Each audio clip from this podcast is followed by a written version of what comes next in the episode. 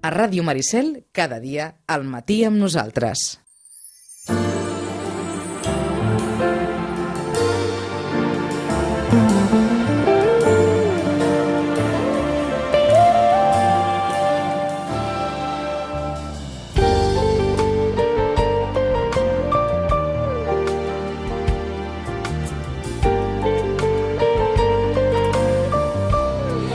Deu i 16 minuts. És el temps de l'Hora d'Europa, amb el suport de la representació de la Comissió Europea a Barcelona, la Diputació de Barcelona, l'Ajuntament, l'Oficina del Parlament Europeu a Barcelona i la col·laboració, com sempre, d'Eurolocal. Avui és probable que, com a mínim, a la primera part del programa, molts avis i moltes àvies se sentin identificades amb el que ens pugui dir el mestre polític i vicepresident de la Federació d'Entitats de la Gent Gran de Catalunya, Jaume Gené, d'aquí uns instants. Joaquim Millan, bon dia, bona hora. Molt bon dia. Perquè els avis ara allò, els fills cuidaven els avis i ara els avis cuiden els nets. Sí, sí, i, I, i, i alguns d'ells sostenen els fills.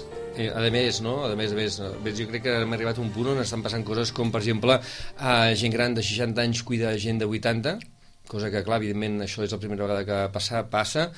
Després també passa una cosa que eh, l'altre dia sentia parlar justament en el convidat d'avui, en Jaume Gené, que diu, és clar, ara molta gent gran que havia estalviat allò a la guardiola perquè el dia de demà no tingués que ser un pes familiar ni un pes pels seus fills, ara resulta que aquesta guardiola l'ha de trencar justament per ajudar els seus fills, perquè els seus fills eh, maturs, sense poder pagar la hipoteca, amb problemes per inclús per pagar a vegades hasta el menjador escolar, no? Mhm. amb la qual els avis fan, fan tot el que poden i més, eh, i per tant en aquest sentit jo crec que també és una generació que, que justament doncs, eh, està arribant a un moment donat on sembla ser que eh, podien començar a gaudir d'aquesta aquest, aquest, generació que arriba en condicions, amb una llarga vida, tercera edat, quasi, quasi parlem a vegades hasta de quarta edat, etc etc i que justament es troba en, en una situació també eh, complexa a tots nivells, no?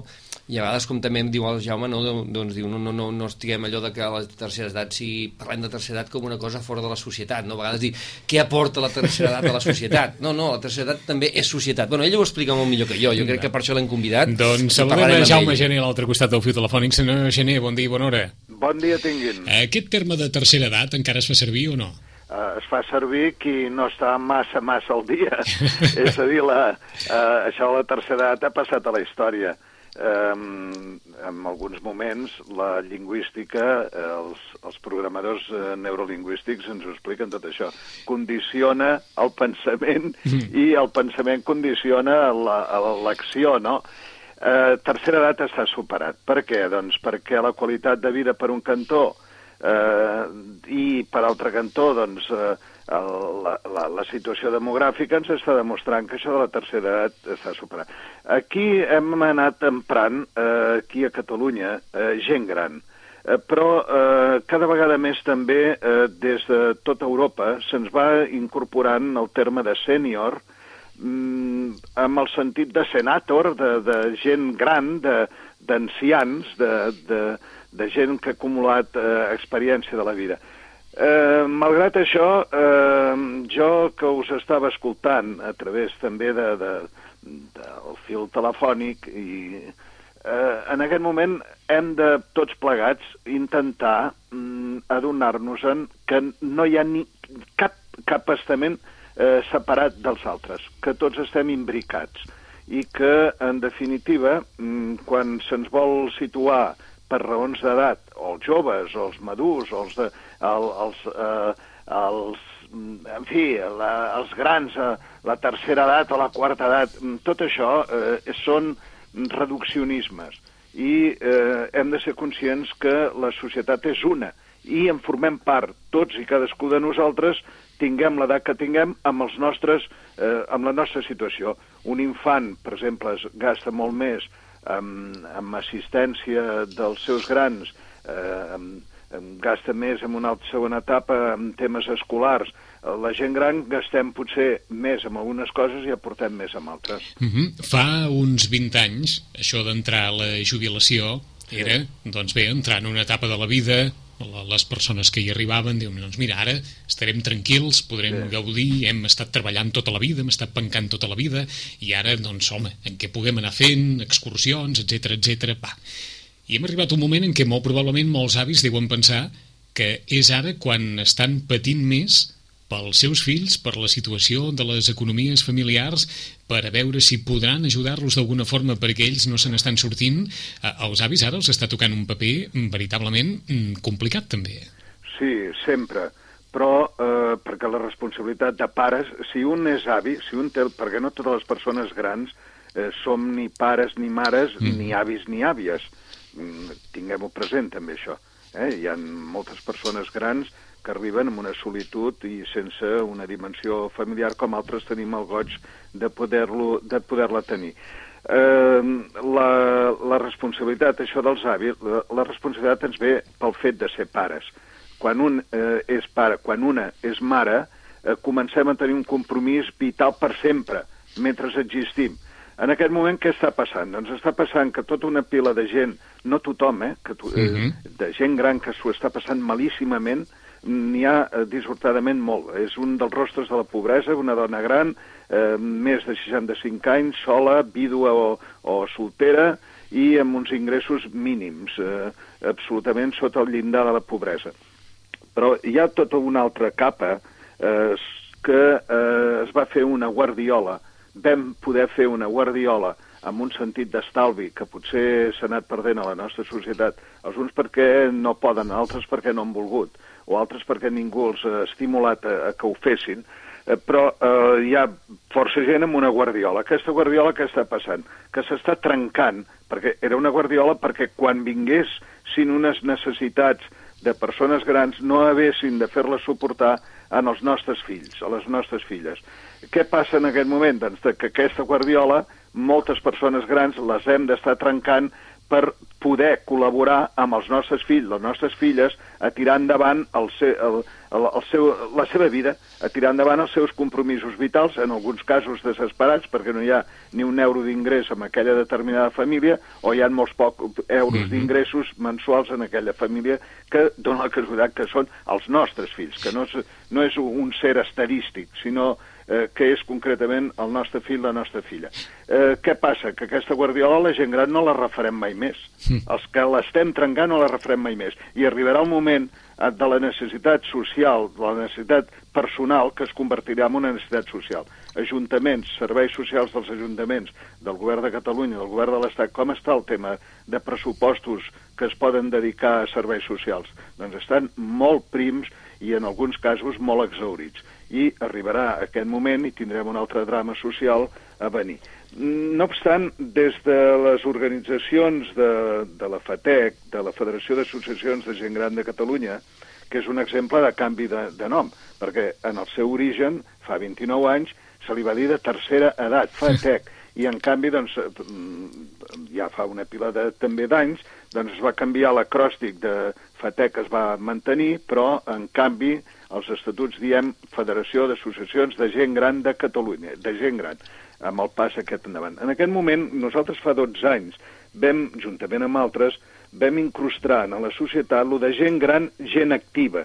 Ningú discuteix que hi ha moltíssima gent mentre no entrem en fases de dependència, on se n'anem definitivament, uh mhm. -huh. eh, que hi ha una activitat de gent gran. Per què? Perquè, eh, sí, la jubilació fa uns anys, eh, vostè em comentava fa 20 anys, 25, 30 anys, les situacions eren totalment diferents i la gent durava molt poc després de la jubilació. En alguns casos, en alguns casos, eh, gent que havia pencant moltíssim amb, tra amb treballs d'usos, amb treballs doncs, de, de molt esforç físic, i amb una sanitat doncs, que era com era, i en canvi avui en dia tenim una de les millors sanitats de, de, de l'Europa civilitzada, la de, almenys la de, que coneixem d'aquí de mhm. Catalunya, nosaltres eh, durem molt. Després d'aquesta etapa de jubilació, que fixis que abans deien retirats, i retirat vol dir apartat totalment, però duraven poc, duraven pocs anys, i en canvi ara durem molt. Doncs nosaltres ara estem en un, en un intent de canvi de paradigma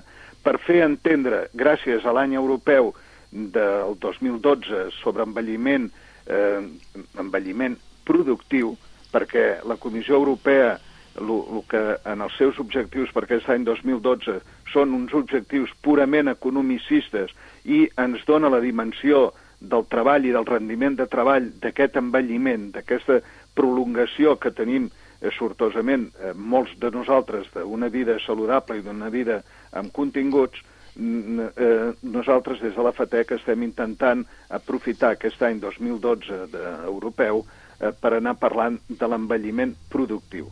I amb això, sense voler abusar del temps de micròfon eh, que m'esteu oferint, jo diria que nosaltres en aquest moment, amb aquest canvi de paradigma, el que estem intentant és que hi hagi un reconeixement social del valor econòmic, de la dimensió econòmica, reconeixement social de la valoració de la dimensió econòmica que té eh, treballs, feines, eh, que no es cobren directament, no es tenen un resultat directe per la butxaca del que l'està fent, però per la societat sí. Com, eh, per exemple, és el suport familiar que fa, sobretot, tantíssimes dones del nostre país eh, a fills, a nets, eh, en el marit, eh, el suport familiar. Aquí no està valorat aquest suport familiar. En altres països d'Europa, el Regne Unit, algun país nòrdic, està valorat fins i tot amb desgravacions a l'IRPF.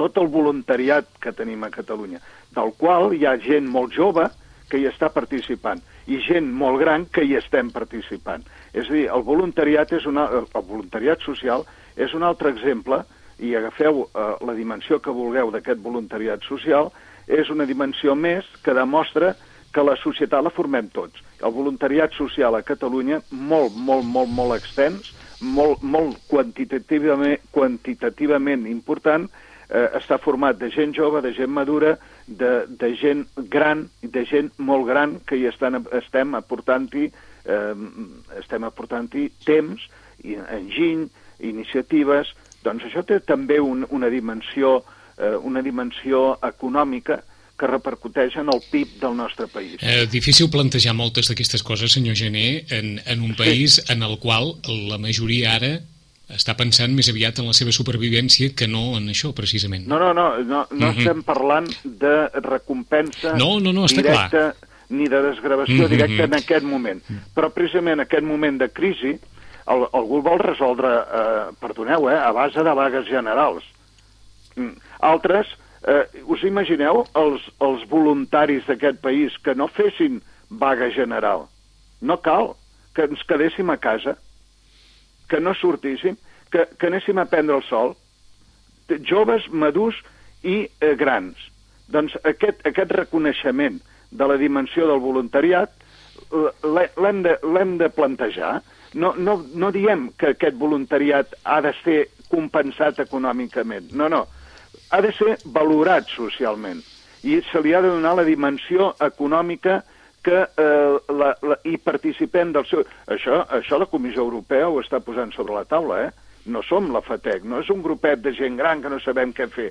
Eh, no, no, la Comissió Europea en aquest any europeu de l'envelliment actiu li dona aquesta dimensió d'envelliment productiu. I si no, analitzin eh, qui vulgui, qui, qui no, mm -hmm. no, no tenen per què fer cas de les meves paraules, analitzin quins són els objectius que la Comissió Europea es va proposar per aquest any 2012. Hi han 29 països eh, d'Europa que s'hi han adherit, entre altres, alguns que encara estan mirant aviam quins programes eh, públics, quins programes des de les administracions públiques faran. Vist des d'aquesta perspectiva, senyor Gené, com que sabem que no teniu massa, massa minuts més, teniu la sensació que aquest moment de crisi servirà precisament per posar en valor moltes de les accions de les persones grans? Si no ho fem, no de les persones grans, no, no, repetim. No de tothom en general, grans, de tothom. però de les persones grans, uh, com aquesta, que aquesta ens estem adreçant de... a vostè com a mm, vicepresident de la Federació d'Entitats sí. de la Gent Gran, ens adrecem, diguem-ne, especialment a sí, aquest sí. col·lectiu. Sí. El voluntariat s'exerceix des de qualsevol edat i en qualsevol Exacte. motivació, això ja està més però que clar. De... Però ens referim especialment a les persones grans, aquí, durant molts anys, diguem-ne, formaven part d'aquell col·lectiu sí. de dir, bueno, a veure què farem quan, quan siguis gran i a veure què farem sí. en tu i tal, i ara resulta que hi ha un paper proactiu de les persones grans perquè la societat les necessita més que mai, ara també, no? Exacte. I perquè em dóna la sensació que els grans, eh, i perdoneu eh, la meva uh mhm. -huh. insistència, els grans i tots vosaltres, tots els altres, estem, eh, estem en línia de que, primer, aquest país, eh, aquest poble, superarem aquesta crisi. L'estem superant dia a dia. L'estem superant dia a dia. Eh, se n'han passat de pitjors. La gent gran, nosaltres potser ho recordem perquè érem nanos, però els, els nostres pares que van desapareixent, les nostres mares que van desapareixent, ho tenien molt present de que ells ho van passar-ho molt malament i es van anar superant. Nosaltres també recordem crisis de tipus econòmic i industrial del nostre país eh, en què han estat superades eh, i, altre, i algunes d'aquestes no fa pas masses anys. Eh, aleshores, aquest, aquesta, aquesta situació actual que eh, l'avançarem, primera, primer missatge que la gent gran hem de donar en els que encara no sou tan grans. Eh, això és superable i això ho superarem amb l'esforç d'aquí, amb l'esforç potser dels més, dels més dèbils, eh, socialment parlant. Dels, però això ho superarem. Eh, segona qüestió, la gent gran eh, no afluixarem amb les nostres tasques de voluntariat i la gent jove tampoc. Una qüestió, una qüestió, però. Quan dieu amb l'esforç segurament dels més dèbils, és just que l'esforç sigui el dels més dèbils? No, no, no, no és just. No, I no, doncs? esclar que no és just. Mm. Eh, esclar que no és just. I doncs? Però la, la, la història eh, de la humanitat va per aquí. Esclar que no és just. Esclar que no és just. És totalment injust. Però eh, jo el que estic dient és que ens sortirem perquè la gent d'aquest país sempre hem tingut una consciència personal i una consciència de dimensió comunitària, de, de dimensió mm -hmm. eh, social, eh, molt arrelada a la Però- nostra manera de fer. I però- després encara, Mhm. eh, permeteu-me que Sí, afegeixi sí. una altra cosa i tornem a estar amb el tema de que la societat és una. Aquí, sortosament, encara tenim un valor que se'n diu família. Eh, Fixeu-vos la diferència entre algunes persones que estan eh, aixoplugades amb, un, amb un nucli dispers, diferent, diferenciat, molt, multi, multi, eh, amb múltiple, múltiples interpretacions, però que té una família, que eh, està acollint-se a una família. Eh, I els grans s'acullen en els més joves i els, jo- els més joves amb els més grans. Eh, I la, les persones que no tenen, que, perquè estan sols, perquè han vingut d'uns altres països, perquè no estan arrelats, perquè s'han trencat els seus vincles familiars. Fixeu-vos el drama en aquest moment. Per tant, nosaltres, la gent gran, no afluixarem. Eh, la dimensió aquesta d'acompanyament mm, l'estem fent, és una altra de les dimensions.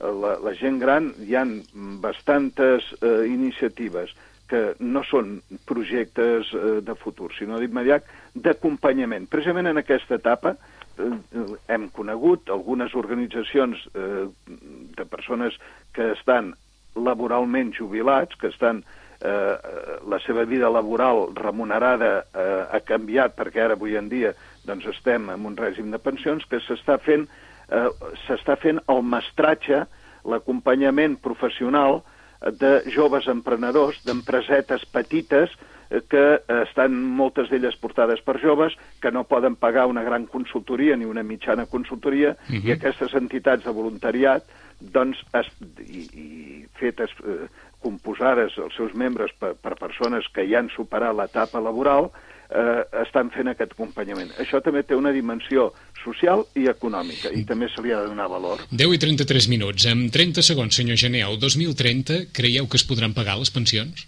Eh, mireu, 2030, ui, que lluny. Eh, sap, sap què passa? La gent gran tampoc no tenim temps. Diu, no, teniu molt de temps. No, no, no, no tenim temps. No tenim temps.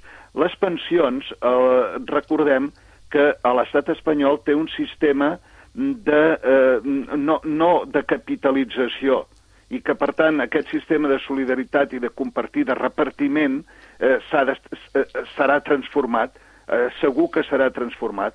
Ara, mm, esclar que sí que s'hauran de pagar les pensions, que eh, el terrabastall, el corralito no, no, no, no el somiem pas perquè es produiria un necatazo. Ara, d'aquí al 30, eh, la gent gran ens costa pensar. El nostre, el nostre demà és avui, està que clar, deia el clar. poeta. Està clar.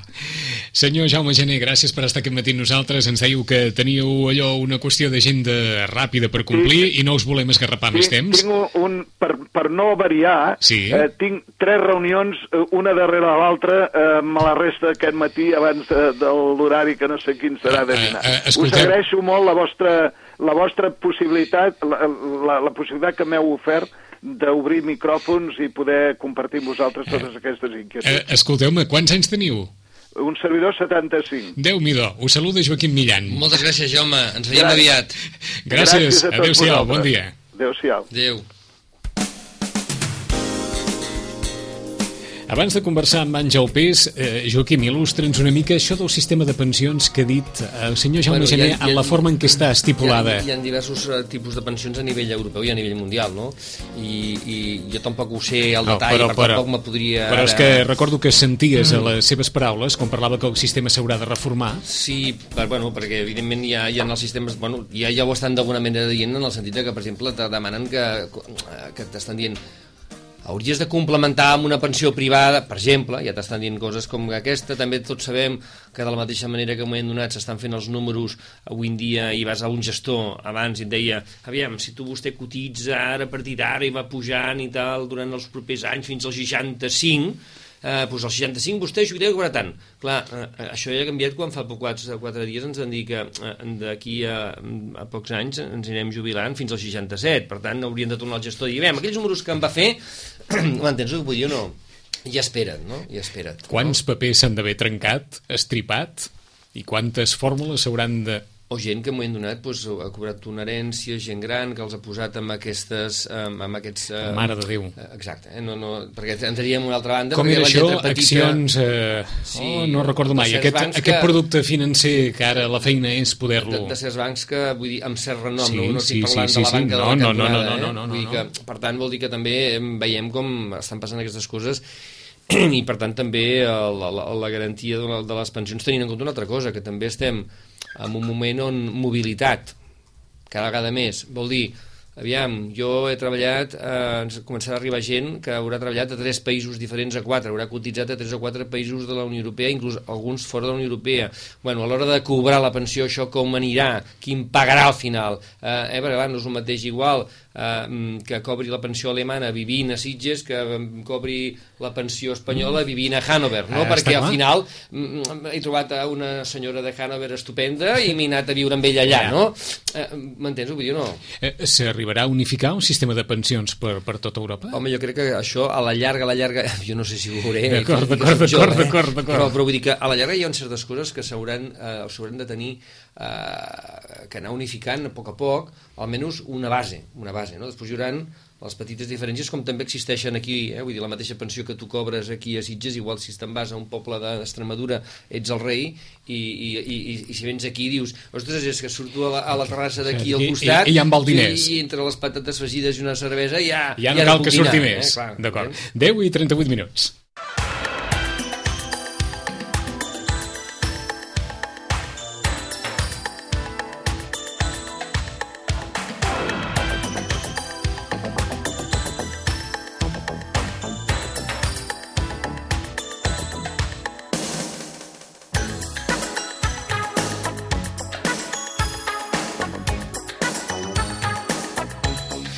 Com dirien els castellans, nosaltres que som legos en la matèria, molt legos en la matèria, i ara estem en una època en què es parla de números per, per tot arreu. A l'altre costat del fil telefònic no saludarem precisament a algú que acaba de sortir de la classe, sinó a un doctor en Economia i sotsdirector general i director de Responsabilitat Corporativa i Marca de CaixaBank.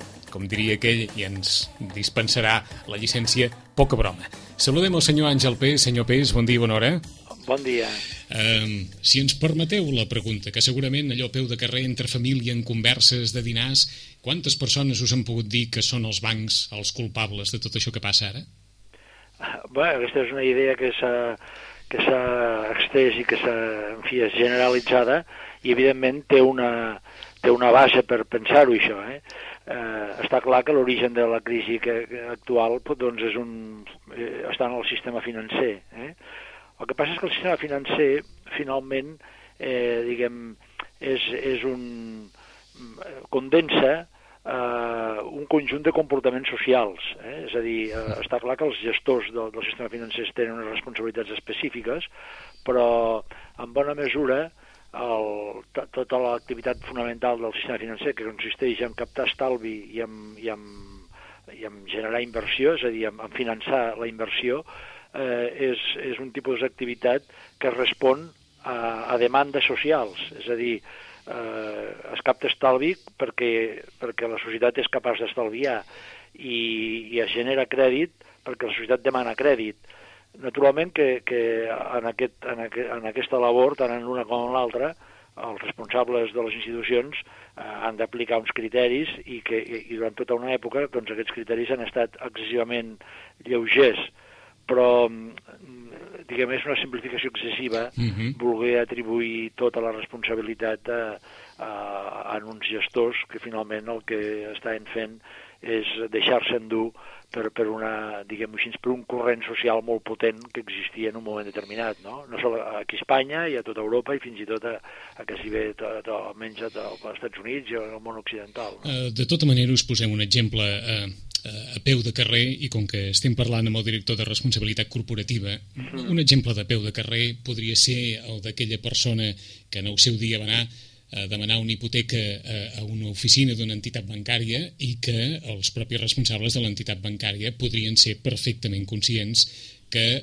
per el sou d'aquella parella o per al lloc de treball d'aquella parella, eh, diguem-ne que difícilment es podien eh, comprometre a uns pagaments a molt llarg termini. Suposo que, diguem-ne, que en podien ser conscients perquè se li suposa també al responsable d'una entitat financera doncs, un coneixement de l'estat de la qüestió com per poder definir bàsicament si aquella persona seria capaç o no de pagar allò.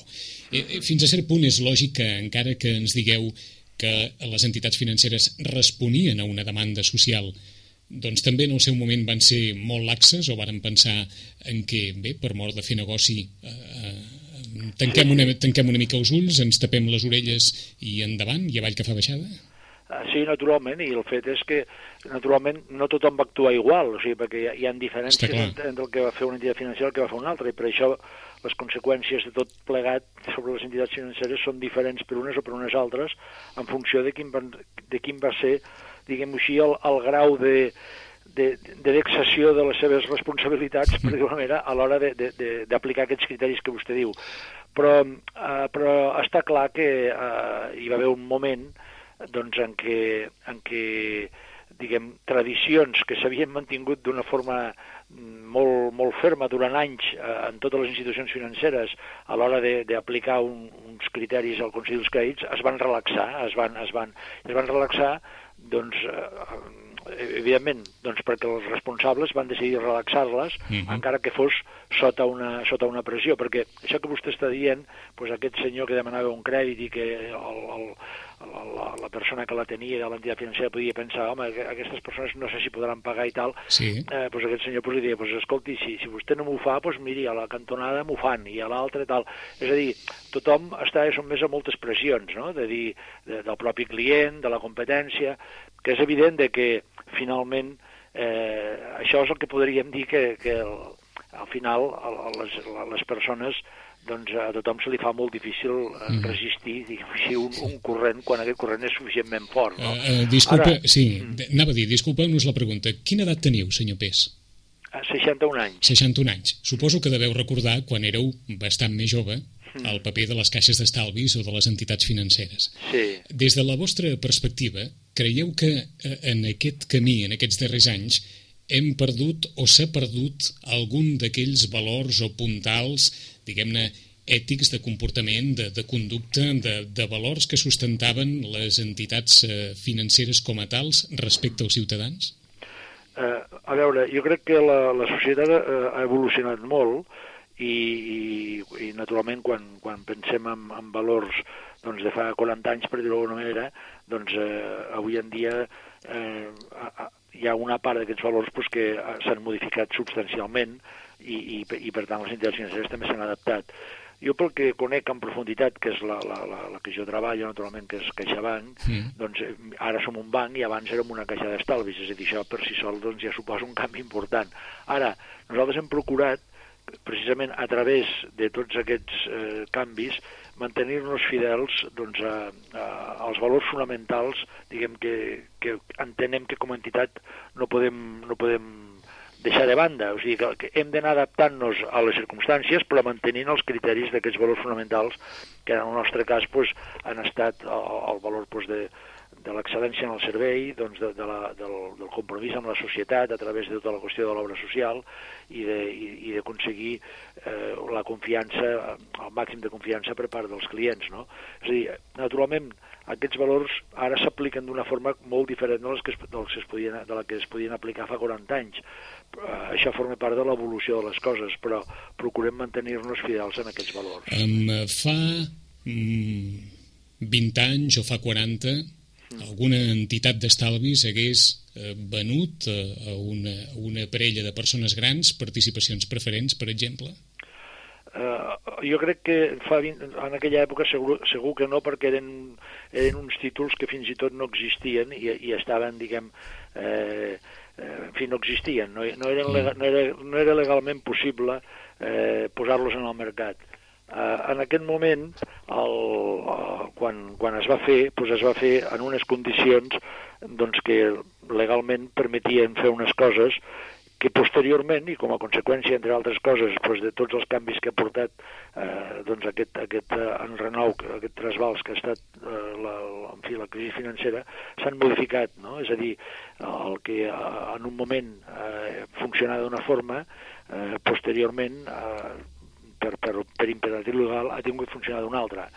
Eh, aquest és un aspecte que hem pogut, que hem intentat resoldre de la millor manera possible, encara que som conscients de que, de que realment doncs, s'ha doncs, generat un, un estat diguem, de, de desconfiança que, que va ser que nosaltres procurem en, en totes les situacions particulars, és a dir, en cada un dels clients que tenim amb aquests productes, eh, procurem explicar-los i procurem resoldre'ls totes les, totes les, tots els temors que se'ls han creat, perquè estem convençuts absolutament de que estem en condicions de que cap client nostre doncs, de les participacions preferents eh, hagi de, de patir, diguem-ho així, com a conseqüència de tenir els diners en aquest producte. O, us ho pregunto fent una extrapolació gairebé en, en veu alta, eh? més enllà de, de cada entitat bancària en concret, si mm. s'ha jugat massa amb el, no sé si dir, amb el, amb el risc eh, fa uns moments parlàvem amb el senyor Jaume Gené, ens feia referència a la cultura de l'estalvi, que havia estat una cultura, diguem-ne, molt instituïda dins de Catalunya, mm. i, i l'estalvi té fins a cert punt eh, aquella,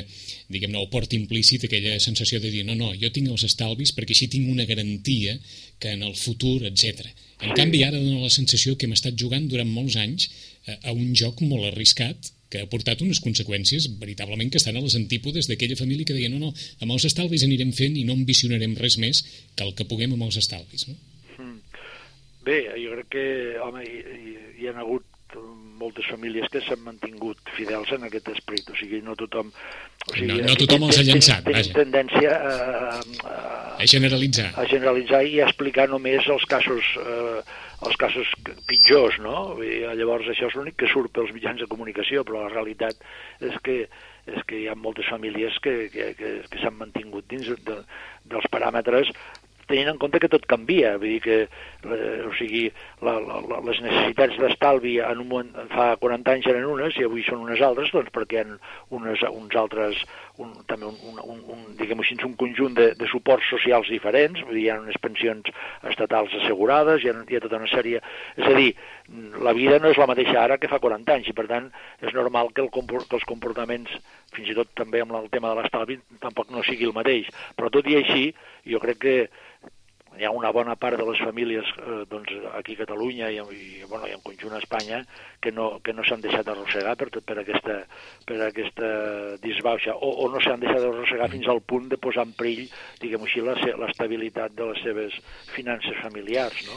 Avui interveniu en una conferència titulada El govern econòmic, una eina per sortir de la crisi a Europa. És una pregunta que es formularà aquesta tarda al Col·legi d'Economia, d'Economistes de Catalunya. Fins a quin punt també a Europa els governs, els polítics s'han deixat eh, arrossegar per una, per una inèrcia que ara està resultant de molt difícil control. Mm. Eh, home, naturalment, eh, quan s'està en una situació com l'actual de, de, de crisi, doncs eh, està clar que alguna cosa s'ha fet malament, no? És a dir, que no, no, no estem aquí, diguem, com a conseqüència de, de, de que hagi caigut un, un llamp o, o mm -hmm. de, de, de conseqüències alienes a la, a la nostra actuació, sinó que col·lectivament doncs, eh, ens hem posat en aquesta situació. També és cert que, han, que, que això ha estat produït doncs, per un conjunt de forces, per manera que han anat, han anat adquirint força, o, valgui la redundància, durant els anys, i sense, sense ser ben, absolutament conscients de, de, de quines conseqüències podrien arribar a tenir. Em refereixo, per exemple, doncs, al, al creixement eh, que han tingut eh, les economies dels països en desenvolupament, amb tot el que això ha suposat d'abaratiment de, d'abaratiment dels productes de, que, es, que es compraven a fora i amb el que això també implicava de pressió sobre, sobre els mercats de treball doncs, dels països més desenvolupats. Tot, tots aquests, totes aquestes dinàmiques que, que portaven molts anys eh, acumulant-se i que més o menys s'anaven gestionant, han arribat un moment doncs, que han adquirit una dimensió que, que els sistemes que teníem establerts eh, no han sabut gestionar. I, i al final aquest és una mica el, el, el, per mi eh, el, el, el fons de la crisi. És a dir que eh, han canviat eh, diguem així, ha canviat el panorama eh, el, el món en què vivíem ha canviat ha canviat sense que nosaltres ens, ens, ens adonéssim de, de la magnitud que, que anava prenent aquest canvi i ha arribat un moment en què la, la, la, la forma com s'ha manifestat diguem, a, a aquesta, a aquesta nova realitat és fent-nos veure que el, que el que abans funcionava ara ja no funciona. I, i com que no funciona, doncs entrem en una situació de crisi que en definitiva consisteix en, eh, és el període de temps en què, que trigarem en, en trobar diguem així, la solució adequada per, per, per gestionar la nova situació que s'ha creat en el món globalment. No? Perquè d'això com se'n surt, senyor Pes?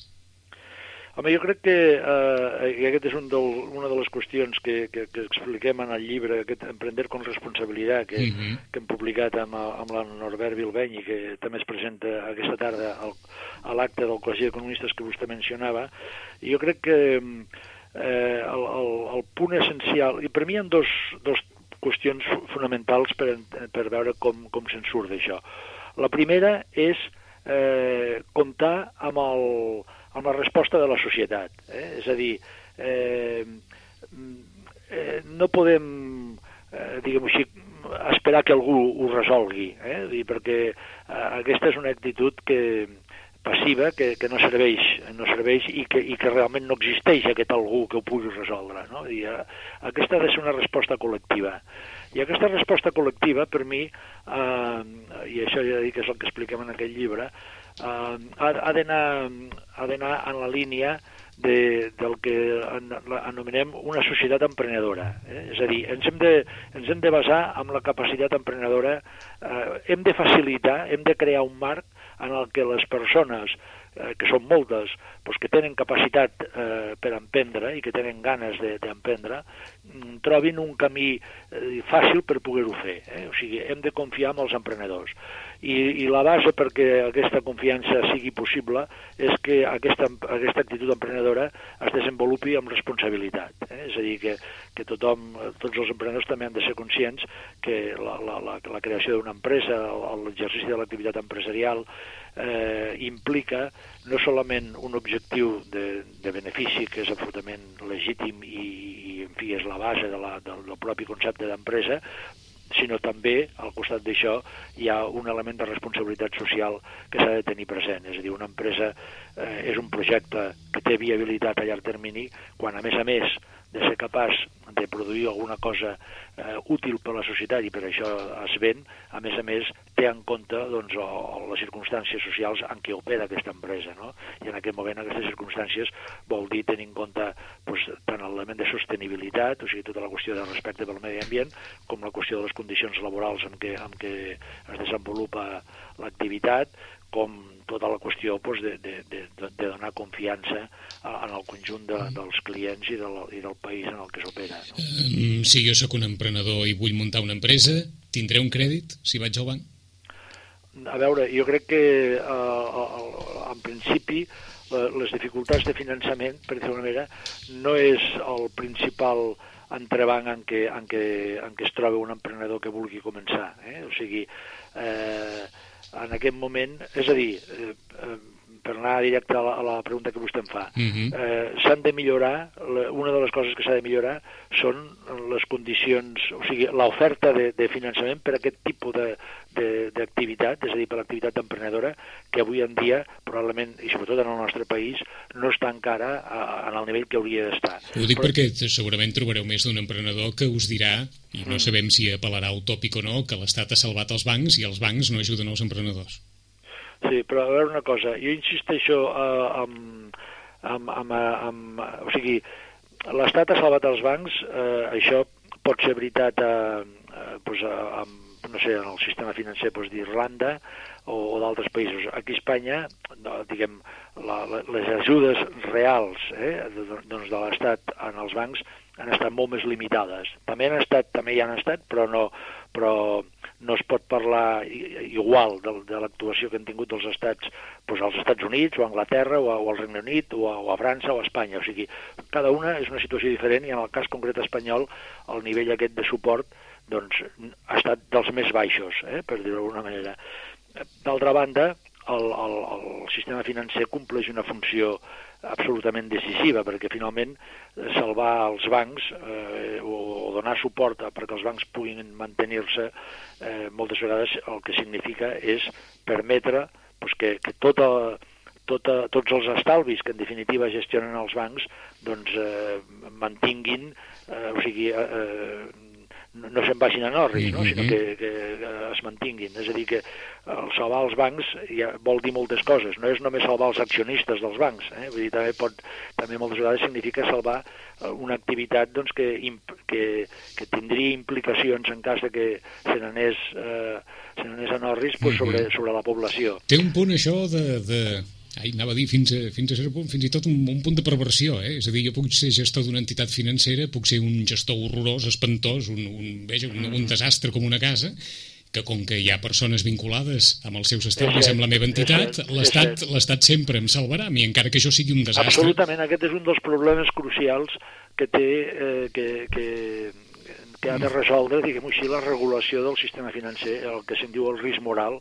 Està clar que que, i per aquest motiu també eh, doncs, eh, l'activitat financera diguem, ha de tenir un, un nivell de regulació superior al que tenen pràcticament totes les altres activitats productives, no? precisament per, per evitar que es pugui abusar d'això que se'n diu d'aquest risc moral. Eh?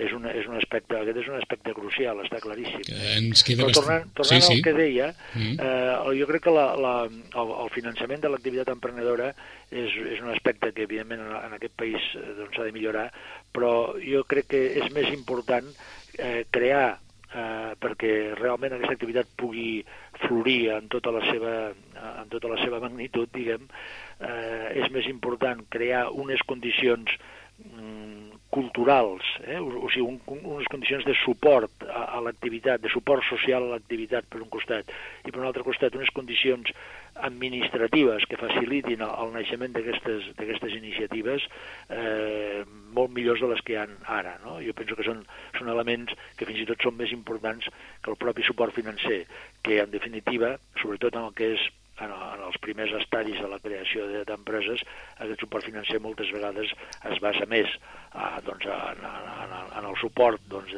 d'amics o de família o de la família o, en fi, o un, o una, un, un cert crèdit, un petit crèdit -hmm. que, que és més fàcil d'obtenir que no pas aquests, aquestes altres deficiències que li comentava. No? Uh, arribem a les 11, uh, uh, obriríem també una altra part d'aquest debat, eh, perquè entre que hi hagi una persona que vulgui independitzar-se de la família i la família li digui sí, sí, quan vulguis, si no té els diners, no s'independitzarà mai a la vida, encara que la família li vingui molt de gust que marxi de casa. No?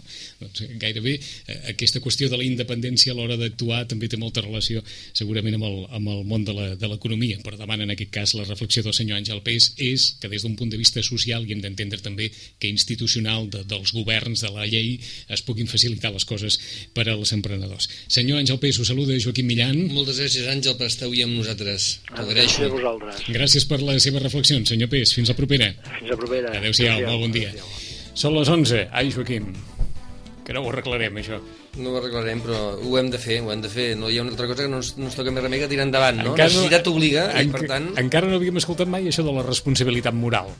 No, però ja està bé, ja està bé que se vagi introduint. Però com es quantifica i quines conseqüències bueno, té? Entraríem també amb la primera part que deia de productiu, quan quantifiquem, Exacte. no tant per rebre els calés, sinó perquè Exacte. la gent ho reconegui. Com es quantifica? En un mes tornarem a l'hora d'Europa. Joaquim Millan, gràcies. A vosaltres. Eh, notícies en Connexió com Ràdio.